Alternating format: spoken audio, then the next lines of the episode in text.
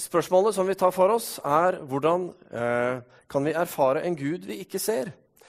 Fordi vi ønsker å kaste lys over nettopp Den hellige ånd.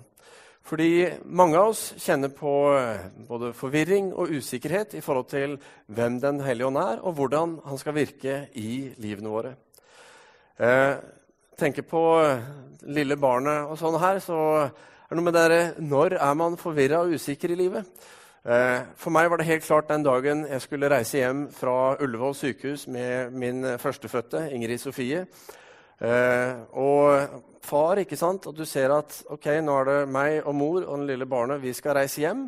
Og det er ingen sykesøstre eller jordmødre som skal være med hjem for å fortsette å vise oss hvordan dette skal skje. ikke sant? Nå har mor vært der og lært noen triks, mens far har kommet på besøk. Så han er litt sånn herre Oi, hvordan skal dette gå? Lille barnet og det hele. Så blir det ikke noe bedre når de blir litt eldre, for bare gleder deg, Bjørnar, når de kommer bort og spør Du, pappa, hva er forskjellen på balkong, terrasse, altan og veranda? Ikke sant?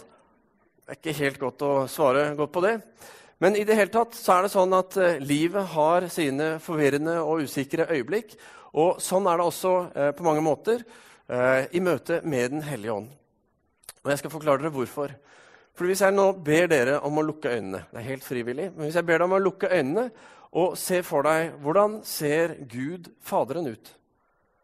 Hvordan ser han ut? Kanskje ser du han med langt, grått hår, han har stor skikkelse, kanskje langt, grått skjegg. Han har en veldig svulmende stemme. Kanskje. Eh, hvis jeg ber deg om å se for deg hvordan Jesus ser ut Kanskje du ser en som har brunt hår, langt ned til skuldrene ca. Fint trimmet skjegg, sånn som jeg har. Neida. Og kanskje har han et lam over skuldrene sine og et lys som skinner ned på han. Vet ikke, Kanskje det. Men hvis jeg ber deg om å se for deg Den hellige ånd, hvordan ser han ut? Hvordan ser det ut? Når du lukker øynene og ser for deg det. Kanskje ser du ingenting. Kanskje ser du noe røyk eller noe litt sånn spøkelsesaktig. Kanskje ser du en flamme. Kanskje ser du en due. For det er nemlig sånn at Vi kan relatere oss til Gud Faderen fordi vi vet hva en far er. Og Vi kan relatere oss til Jesus fordi vi vet at han var et menneske som gikk omkring iblant oss her på jorden. Eh, men Den hellige ånd er det ikke så lett for oss å eh, se for oss, for vi har ikke den samme referanserammen. Eh, og Det som kan gjøre det kanskje enda mer forvirrende, er hva slags ting vi har lært i oppveksten, hvis du har gått i kirke i din oppvekst, om hvem Den hellige ånd er. Har du gått eh, i, eh, som mange har, i Den norske kirke, f.eks., så eh, er det først og fremst i trosbekjennelsen at man har eh, snakket om Den hellige ånd. når man har lest den. Og Da sier vi 'Jeg tror på Den hellige ånd'. Og eh, Det er bra, men det gir ikke så mange referanser. Eh, kanskje har du vokst opp i en mer karismatisk retning hvor alt handler om Den hellige ånd hvor pastoren taler så lenge som Den hellige ånd vil at han skal tale. Altså Det er ikke bestemt på forhånd. Og lovsangskoret de leder i sang så lenge som Den hellige ånd vil, osv. Eh, alt dreide seg om Den hellige ånd. Eller kanskje du ikke har vokst opp i en kirkelig setting, og det du vet om Den hellige ånd, er eh, det du har hørt om, om, fra andre, eller kanskje det du har sett på TV, og der er det jo mye forskjellig. Og kanskje er ditt forhold til åndelighet eh, litt sånn på avstand. Fordi du har opplevd noe, kan være i kirkelig setting eller kan være utenfor, som gjør at det, det åndelige det er noe som skremmer deg, som gjør at du holder dette på avstand. Så også med Den hellige ånd.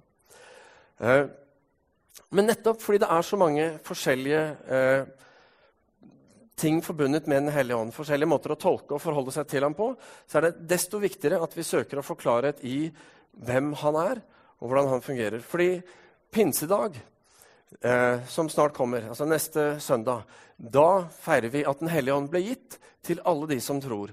Og fra pinsedag og fram til i dag så har Den hellige ånd vært i virksomhet hos alle oss som tror. For det er sånn at Den hellige ånd han gir oss evnen til å tro og evnen til å rette den troen mot Jesus Kristus som vår Herre og Frelser. Har du noen gang sittet eh, i en gudstjeneste og hørt på en tale og opplevd at, eh, eller tenkt med deg selv hvordan vet de hvordan jeg har det? Hvordan kan de si akkurat dette som passer så bra inn i livet mitt? Vel, det er Den hellige ånd som tar det som blir sagt, og gjør det anvendelig inn i ditt liv. Eh, hører innimellom, får de tilbakemeldingene av og til eh, her i menigheten, at enten jeg har talt, eller Thomas eller Inger eller noen andre, så er det noen som har sagt at det du sa i dag, det var bare livsvandlende. Det bare åpna en helt ny dør. Og så gledelig som det er, så er det sånn at det handler ene om alene om hva Den hellige ånd gjør med de tingene vi sier, ikke omvendt. For det er bare sånn at det er Den hellige ånd, Gud selv, som kan eh, forandre våre hjerter. Det er ikke noe jeg eller andre sier her oppe, ene og alene, men han kan bruke det til å skape den forandringen. Eh, og når vi ser at Den hellige ånd en måte, har en viktig rolle, så er det desto viktigere at vi kan svare på dette spørsmålet hvem er Den hellige ånd? Og bonusen er når vi lærer mer om han, og når vi vokser i vår forståelse av han, så vokser vi også i vår mulighet til å erfare eh, hva han ønsker å gjøre i oss og gjennom oss i våre liv. Så noter gjerne eh, hvis du vil det. For meg så sitter jeg ofte og noterer på telefonen min, denne som jeg har i lommen eh, når jeg sitter på gudstjenester og ikke taler selv. Og jeg har et program som gjør at jeg kan skrive ned notatene. Så for de som har sett meg og tror at jeg sender SMS eller surfer på nett eller legger kabal, så gjør jeg altså ikke det bare for å avklare en mulig misforståelse der. Så jeg lov å bruke den. Det vi har gjort i dag også, det er å gi ut en lite ark som ble delt ut i døra, som eh, skal hjelpe deg til å huske talen. Du kan fylle inn et par sånne små ting. Og På baksiden så har du en del ikke alle, men en del av de tekstene som blir brukt underveis. Og så En siste ting før vi går videre. Bare en forholdsregel. å komme med det. Ikke alt ved Den hellige ånd vil være lett å forstå. Eh, og Sånn er det i møte med Gud. Vi kan ikke regne med at vi skal forstå alt ved han. Og For min del så er det noe jeg har lært å sette veldig pris på. For jeg ønsker å følge en gud og tilbe en gud som er større enn det jeg kan fatte og begripe og få liksom tredd inn i hodet mitt. Så med det sagt så skal vi gå i gang med det første fakta om hvem er Den hellige ånd. Og det er eh, Ok, den fungerer ikke som man skal, dessverre. Men det første fakta er godt du har noe å skrive på, Den hellige ånd er en person. Eh, du har kanskje lagt merke til at eh, når jeg snakker om Den hellige ånd, så har jeg referert til Den hellige ånd som han. Altså som en person, og ikke som en ting. Og Det er fordi Bibelen eh, refererer til Den hellige ånd ikke som en vag, upersonlig, et eller annet svevende der ute, men snakker klart og tydelig om en person med personlige egenskaper. Vi ser i Bibelen at Den hellige ånd har et intellekt, han har en vilje, og han har følelser. Og de tre tingene er nødvendige for å kunne definere person og personlighet. Og det Jesus sier om han, eh, i Johannes 14, 26, sier han men talsmannen, Den hellige ånd, som, skal, som far skal sende i mitt navn, han skal lære dere alt og minne dere om alt jeg har sagt dere. Så Den hellige ånd har et intellekt til både å lære oss og minne oss på ting. Han har også en vilje i 1. Korinterbrev 12 så snakker Paulus om eh, hvordan Helligånd eh, deler ut sine gaver, nådegaver, som vi kaller de, som han selv vil. I vers 11 så står det alt dette gjør den ene og samme ånd, for ånden nei, skal vi se, som deler ut sine gaver til hver enkelt som han vil. Så det er sånn at Den hellige ånd i møte med oss når vi har sagt ja til Jesus og tror på han, så kommer han inn, kjenner oss, våre egenskaper, og så gir han oss gaver ut ifra hvem vi er. Så han har en vilje, men han har også følelser. Og eh, det står at eh, han kan oppleve sorg i Efeserne 4,30. Det står det 'Gjør ikke Guds hellige ånd sorg', for ånd er det seil dere er merket med helt til frihetens dag. Visste du det, at du kan skuffe Den hellige ånd på samme måte som du kan skuffe en venn eller en ektefelle eller en annen? Faktisk så er det sånn at eh, eh Den reagerer på ting vi gjør. Og vi kan, eh, hvis vi f.eks. lyver Skal vi få opp noen her? Eller om vi spotter han, snakker Bibelen om. Eller eh, fryse han ut. Stå han imot, eller sette han på prøve. Og akkurat som eh, i et ekteskap eller som barn i en familie, hvis du prøver å lyve eller eh, fryse ut eller ignorere den andre part, så hjelper det ikke veldig bra. Og Det samme gjelder i forhold til Den hellige ånd.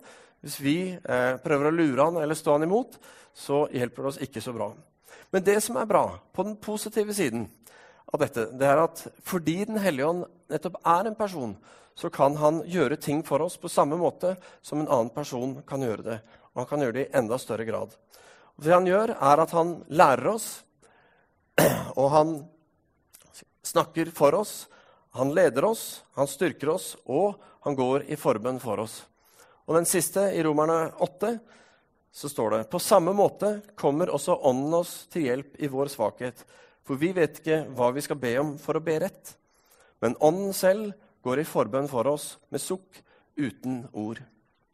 Vet ikke om du har opplevd sånn en gang i livet at du har syntes at ting har vært så vanskelig at du vet ikke helt hva du skal si, at det eneste du klarer å gjøre, er bare å sukke og stønne. Fordi det bare er håpløst. Eller virker sånn. Da er det sånn at Hver søndag her i Misjonskirken så inviterer vi til forbønn i etterkant av gudstjenesten. Og eh, Å komme dit og få lov til å be sammen er bra. Og for noen Eh, så kommer de nettopp i den situasjonen hvor de bare vet ikke selv hvordan de skal be. De bare sukker fordi ting er vanskelig. Og Da er det godt å kunne be sammen med en annen en. Og eh, Det er ikke alltid vi som er der, vet akkurat hva vi skal si heller. når det er sånn, Men vi kan komme sammen og invitere Den hellige ånd til å lede oss og vite at han også går i forbønn for oss. Og Den gode nyheten her er at dersom du tror på Jesus og følger han, så har du en som kjenner alle sider ved deg, som bor i hjertet ditt ved troen, og som går i forbønn for deg, og som vil hjelpe deg når du er i din svakhet. En vag og upersonlig kraft ville ikke gjort dette. Og det Gud vil at vi skal ha klarhet i, det er at Den hellige ånd er en person med personlighet som vi kan relatere oss til og ha fellesskap med på samme måte som vi kan med Gud som far eller som sønn i Jesus. Det er det første fakta som vi skulle ta for oss. Den hellige ånd er en person. For det andre Den hellige ånd er Gud. Eh, og dette kan lett misforstås, fordi jeg tror mange av oss vi har et bilde av eh, hvordan denne treenigheten, eller disse tre i guddommen, er. Hvor vi tenker at vi har Faderen her, og så har du Sønnen her, ganske likestilt. Og så et eller annet sted her nede så har du Den hellige ånd omtrent, hvis du ser på Senkveld på fredagskveldene, omtrent som en sånn Nils Ingar Ådne. En eh, som får lov til å slippe til i små sekvenser av og til, men som helt klart er i skyggen av Thomas og Harald. Som kommer inn og er den lille der. Og for, sånn kan vi fort tenke om Den hellige ånd.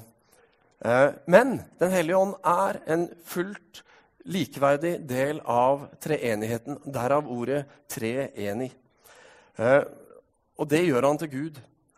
Og er du en av de som opplever at dette med treenigheten er et vanskelig tema, så skal du være velkommen i klubben. Fordi dette er et av de tingene som er vanskelig å virkelig forstå for oss i troen for. Men jeg skal prøve å forklare det. Vi tror her i Misjonskirken og i så godt som alle kirker rundt om på kloden så tror vi at det er én levende, suveren Gud som er evig eksisterende i tre personer. Fader, Sønn og Hellig Ånd. Men bare fordi vi ikke fullt ut kan forstå det, hvordan det fungerer, så betyr det ikke at det, det dermed ikke er sånn. Bare fordi vi ikke forstår eh, For at jeg for eksempel, da, kan hende du gjør det, men bare fordi jeg ikke forstår hvordan kjernefysisk fisjon fungerer, så betyr ikke det at det ikke skjer og ikke er mulig. At ikke jeg eh, forstår hvorfor et fly kan fly opp i luften. Eh, enda jeg har lest teorien og ser og skjønner liksom, ok, det er sånn det fungerer, så er jeg like overraska hver gang jeg sitter på fly og bare tenker wow, denne klumpen med stål og alle disse menneskene bare ja, ja, flyver til værs. Den hellige ånd er en del av treenigheten. Og bare fordi vi ikke forstår hvordan det skjer, betyr ikke at det ikke er sånn. Og Vi finner flere beviser for det gjennom hele Bibelen. I Johannes evangeliet, første kapittel, så sier Johannes i begynnelsen var Ordet. Ordet var hos Gud, og ordet var Gud. Og ordet her refererer til Jesus. Så Jesus var altså sammen med Faderen i himmelen før tidens begynnelse. Og Det var også Den hellige ånd. Og Det ser vi i de to første versene i Bibelen, i Første Mosebok, kapittel 1.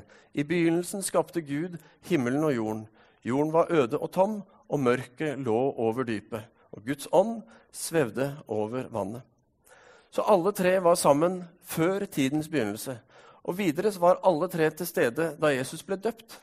Jesus ble døpt av døperen Johannes, og det står det at når han steg opp av vannet, så delte himmelen seg, og ånden kom over han som en due. Og så lød det en klar og tydelig røst eh, fra himmelen som sa, 'Dette er min sønn, den elskede. I han har jeg min glede.' Og rett før Jesus eh, forlot oss på, 17. mai. Men uh, i år var jo uh, Kristi himmelfart og 17. mai på samme dag. Men på Kristi himmelfartsdag, som jeg akkurat har hatt, når han uh, like før han reiste opp, så sa han i det som vi kjenner som misjonsbefalingen Gå derfor ut og gjør alle folkeslag til mine disipler idet dere døper dem til Faderens og Sønnens og Den hellige ånds navn.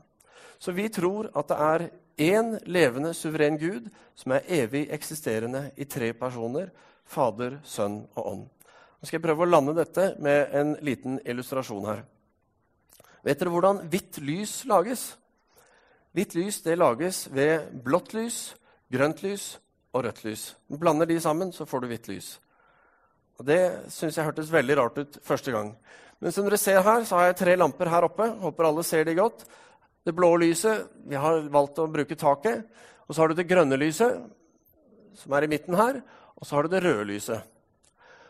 Og hvis vi setter på alle de tre lysene samtidig, så får du hvitt lys. Eh, når jeg var liten og satt og malte og blandet disse fargene, så ble det aldri hvitt. Så dette er ikke logisk, men allikevel så ser vi at det er sånn. Og på samme måte så er treenigheten sann som medfører at Den hellige ånd er Gud. Og Det igjen betyr at han har alle de kvalitetene og egenskapene som Gud har. F.eks. at han kjenner alle ting. Eh, Paulus sier det i 1. Korinterbrev at hvem andre enn menneskets egen ånd vet hva som bor i mennesket? Slik vet heller ingen andre enn Guds ånd hva som bor i Gud. Og han er også overalt. Kanskje har du hørt om han, eh, at han er allestedsnærværende. Det er et langt ord, men det betyr at han er overalt samtidig. Eh, David sier noe om dette i Salme 139, hvor han sier Hvor skal jeg gå bort fra din ånd? Hvor skal jeg flykte fra ditt åsyn? Farer jeg opp til himmelen, så er du der.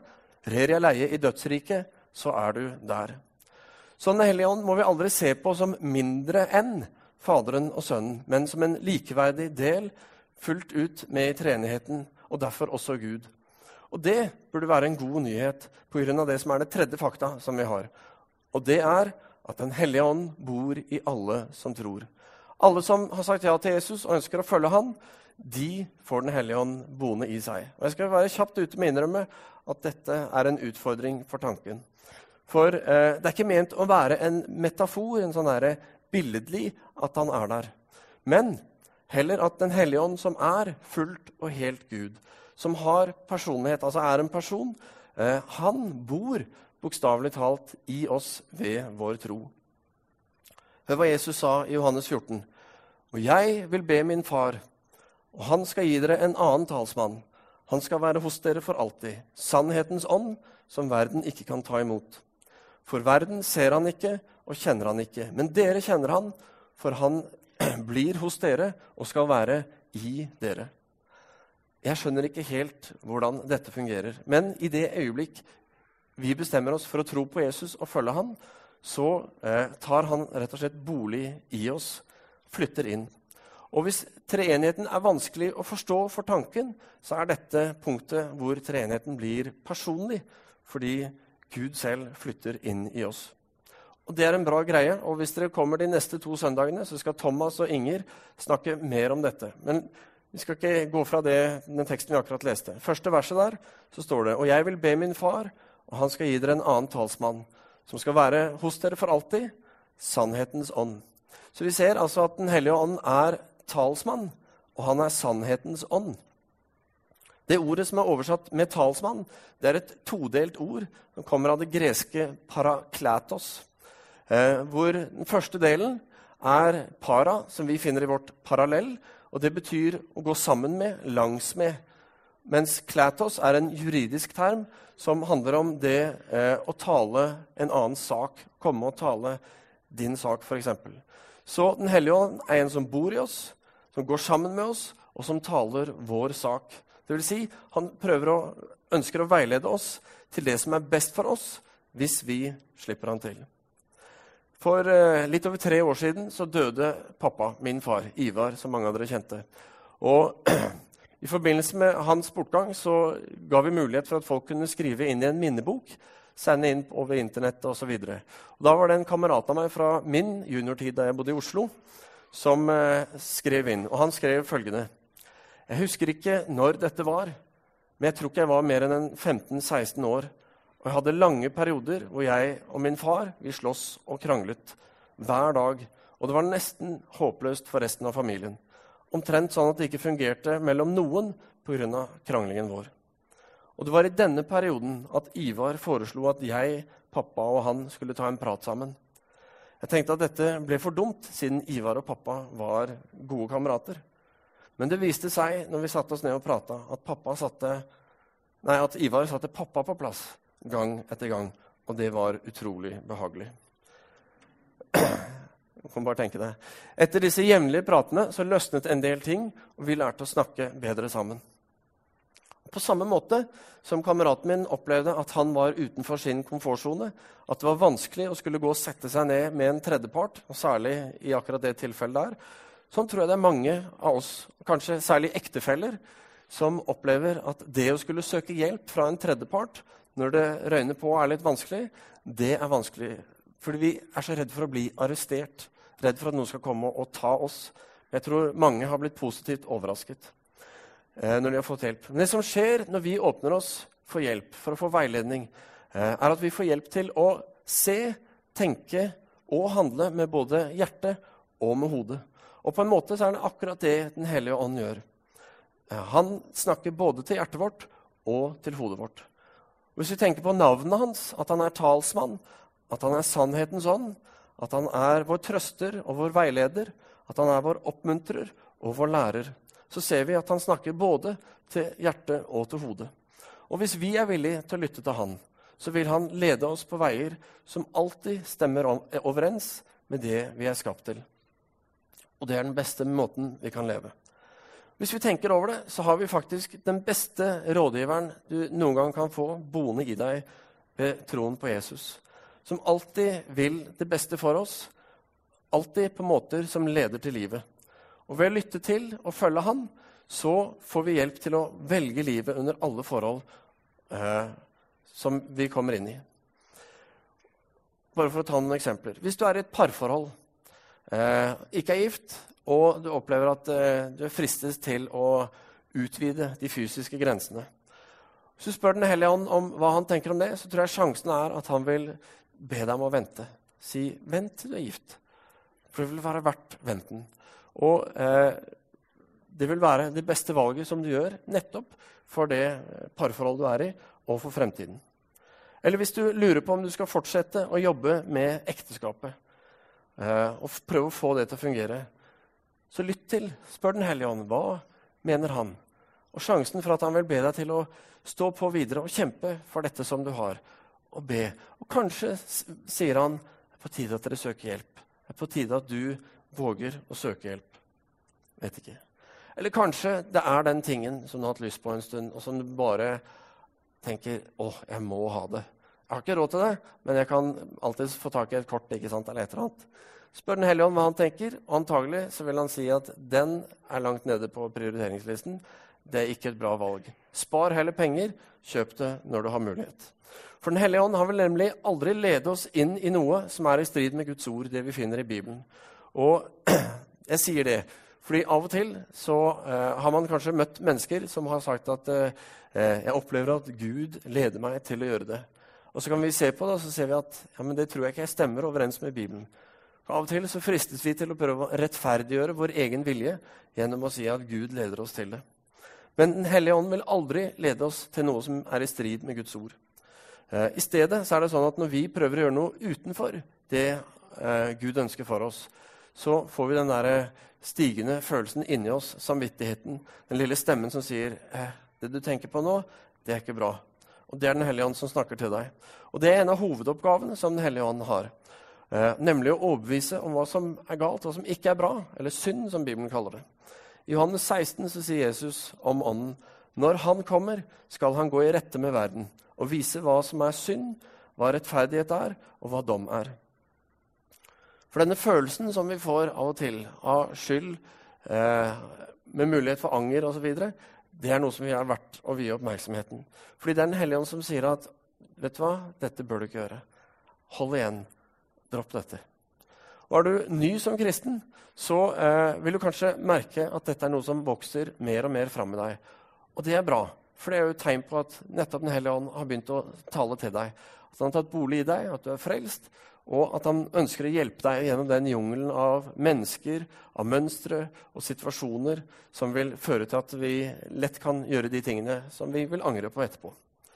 Eh, og han gjør dette for vårt eget beste. Fordi eh, de tingene som vi bærer på, som er, ikke er bra for oss, enten det er et mønster eller eh, bare vanlig synd, som vi ikke vender oss bort fra, men som vi tillater å være i livet, den vil fort kunne få grep om livet vårt på områder som vi ikke har kontroll over. Det kan være relasjoner du har, det kan være karrieren din, det kan være den gode framtiden som du har. Og Det er noen av oss her som bestemte oss for å tro på Jesus for lenge siden, og som hører på det jeg sier nå, og tenker det er lenge siden jeg har hørt den der eh, påminnelsen der, eller uh, fått noe uh, 'ikke gjør det'-signal inni meg. Og Hvis det gjelder deg, så tror jeg du skal ta det som en varsellampe. For det kan jo hende at du har ignorert Den hellige ånd lenge nok, sånn at du ikke kjenner lenger når han prater til deg. Og at det kanskje har sammenheng med at du ikke helt tror at det han ønsker å lede deg til, det som er Guds vei, er det som er best for deg. At du egentlig vil ha kontroll selv og ikke vil slippe han til. Fordi Den hellige ånd han ønsker å lede deg. Men hvis vi slutter å lytte, så eh, kan jo det være grunnen til at vi stadig finner oss i disse gjentagende mønstrene med ting som vi ikke ønsker å gjøre, og som vi vet er galt. Eh, og Hvis det beskriver deg, så vil jeg oppmuntre deg til å be om tilgivelse og til å gjøre en ny bestemmelse om at du vil følge Jesus fullt og helt, og at du vil lytte til Den hellige ånd når han leder deg og viser deg vei. Og En av de beste måtene vi kan lytte på, det er å komme i gang med å lese Bibelen igjen. Eh, det er jo tross alt sånn Bibelen sier det, Jesus sier det om Den hellige ånd, at det som han har lært oss, det som han har vist oss, det skal Den hellige ånd minne oss på og bruke når han lærer oss. For når vi leser Bibelen, så lærer vi hvem Jesus er, og hvordan han ønsker at vi skal leve. Og han ønsker å hjelpe oss gjennom sitt ord. Så hvis du sliter med bibellesningen, så kan du gå til hjemmesiden vår, misjonskirkenstavanger.no, eh, hvor vi har lagt ut noen tips til hvordan du kan komme i gang med dette. For meg, igjen ned til denne her, som kan brukes til så mangt om dagen, det å få Bibelen på denne og kunne ha den med overalt og bli minnet på den daglige lesningen, har vært noe som har hjulpet meg masse. Ok, Vi skal gå mot det siste fakta som vi har. Og, eh, I denne omgang, i hvert fall. Og det er at Den hellige ånd han gir oss en kraft. Han gir oss kraft og hensikt. I, eh, på Kristi himmelfartsdag, før Jesus eh, stiger opp, farer opp til himmelen, så sier han til disiplene i Apostelens gjerninger 1.: Men dere skal få kraft når Den hellige ånd kommer over dere, og dere skal være mine vitner i Jerusalem og hele Judea, i Samaria og like til jordens ender. Når vi sier ja til Jesus, så kommer det en ny kraft inn i livene våre som ikke var der før, og som gir oss evnen til å leve med en helt ny hensikt. Og jeg tenkte på Hvordan kan jeg illustrere dette poenget? Da er det alltid kjekt når noen har en pose med seg opp. Så jeg har en pose med noen ting som jeg tenkte jeg skulle bruke nettopp for å illustrere dette. Fordi jeg tenkte eh, et batteri Her har du et batteri som ligger inni her. Et batteri er noe som går til masse ting som vi bruker i vår hverdag. F.eks. en lommelykt, eller en klokke eller et leketøy.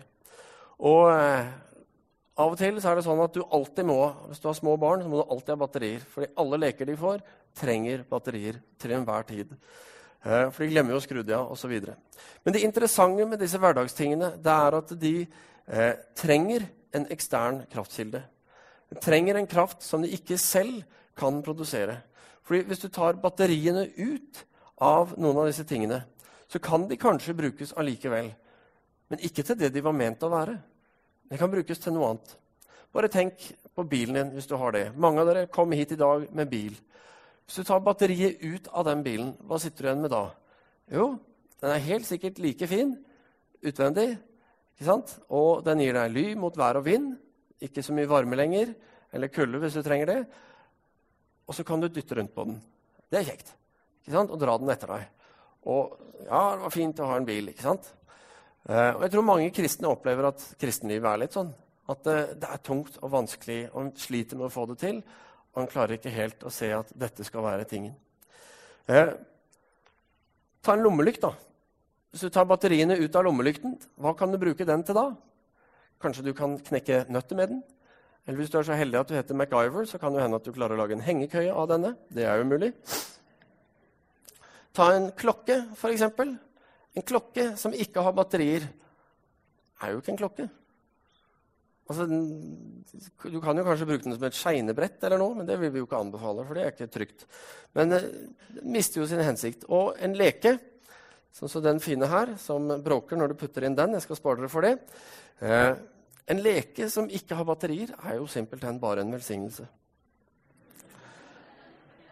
Men poenget er, tar du batteriene ut av noe, så kan de alltids brukes til noe, men ikke til det de var skapt til å være. Og Derfor tenker jeg at Den hellige ånd på mange måter er som et batteri. Et batteri som vi ikke trenger å bytte ut, og som i seg selv heller ikke trenges å bli ladet. Poenget er Vi kan leve livet uten Den hellige ånd, men vi vil aldri få lov til å komme inn i vårt gudgitte potensial, den hensikten vi var skapt til. For vi er skapt av Gud med en hensikt og for en hensikt. Og vi trenger at Han kommer og tilfører sitt over på vårt naturlige, sånn at vi kan få lov til å få del i det Han skapte oss til å være. For Den hellige ånd er en kilde til kraft, styrke og utholdenhet for, eh, til å leve nettopp det kristne livet. Og når alt kommer til alt, så er vår hensikt som etterfølgere av Jesus og vise andre hvem Jesus er, sånn at de også kan få se hvem han er, og hva han har gjort, og få lov til å følge han.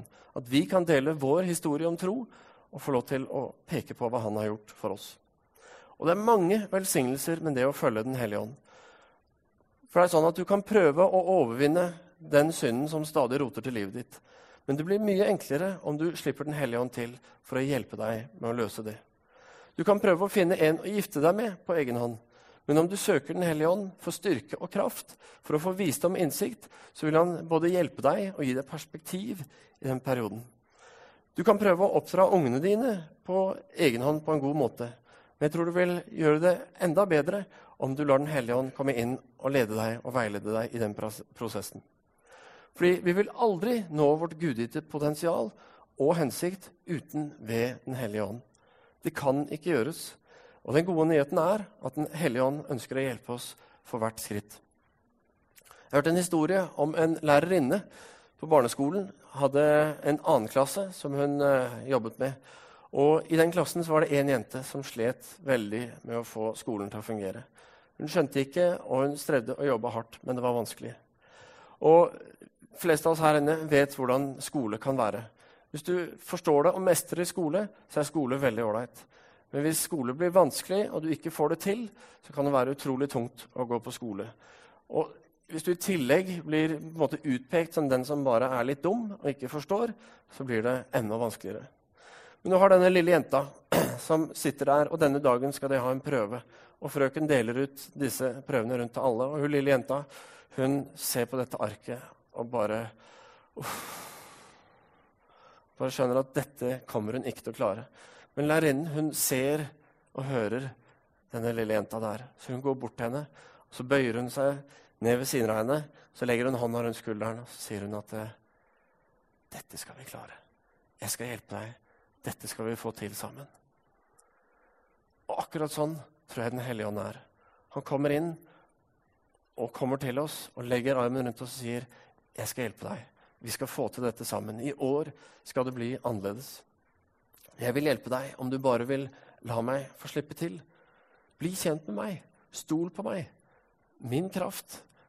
Uh, at den fungerer for deg. Og jeg vil lære deg og lede deg og vise deg den veien. Og jeg vil be for deg på måter som du selv ikke er i stand til. Helt til slutt, jeg må bare spørre Prøver du å gjøre noe på egen hånd? Prøver du å mestre dette livet i egen kraft? Prøver du å finne ut av vanskelige ting, bryte mønstre, vokse på områder eller elske noen som er vanskelig å elske, og gjøre det i egen kraft? Da vil jeg oppmuntre deg til å invitere eh, Den hellige ånd til å komme og hjelpe deg. Til å gi deg perspektiv, til å vise deg vei, til å hjelpe deg med dette. Bestem deg for dette. Jo før, jo heller. At du ikke skal gjøre dette, leve dette livet som du er skapt til å leve. Ikke gjør det på egen hånd, men la Han, den beste rådgiveren som fins, han som er Gud, som lever inni deg, som er en person, og som elsker deg og har omsorg for deg mer enn noen bestevenn, og som alltid vil søke det som er best for deg. Lytt til han. Ta han med. Ikke ha han som en liten tredje på vogna der nede et sted. Han er Gud, han er der for deg og meg. Bibelen sier 'smak og kjenn at Herren er god', og det har jeg lyst til å oppmuntre deg til. Skal vi be. Kjære himmelske Far, jeg takker og priser deg, Herre, for at uh, du ikke har overlatt oss til oss selv, men at uh, du har selv kommet ved din ånd. og Så tar du bolig i oss, og så ønsker du å hjelpe oss i dette livet. Ønsker å vise oss vei gjennom hverdagen, gjennom utfordringer, og gi oss de perspektiver som vi trenger, og gi oss de ord som vi trenger. Og takk, Herre, for at uh, vi får lov til å leve sammen med deg ved din ånd. Herre, takk for alt du har tilrettelagt. Takk for at vi får lov til å komme og ta imot dette gratis som en gave fra deg. Og Herre, du vet hvordan mange har det. Mange syns det er vanskelig å forholde seg til deg som en hellig ånd, som noe svevende som de ikke helt klarer å sette ord på. Men jeg ber, far, at du skal la oss få lov til å se mer og forstå mer av dette. Vi skal få ta til oss eh, noe av det som er sagt i dag. At vi skal få lov til å våge å tro at det er sant at du er en som er for oss, som går sammen med oss, som taler vår sak, og som har kun det beste i dine tanker for oss. Herre, jeg ber at du skal tale til oss og lede oss. Og Herre, kanskje du har minnet noen av oss på noe her i formiddag. Herre, jeg ber at du skal eh, la dem få se Herre, at det er du som taler til dem. La dem få våge å ta det neste steget. Om det er å gå til forbønn etterpå, eller det er å prate med av, noen de har tillit til, eller en av pastorene, eller eh, det handler om å gå og gjøre opp med noen, eller hva det er, så ber jeg Herre at du bare skal eh, gi dem frimodighet til å gå på det, for det er du som taler, det er du som leder. Og takk, Herre, for at når vi sier ja til deg, så kommer du, du som er Gud, og tar bolig i oss. Vi priser deg i Jesu navn. Amen.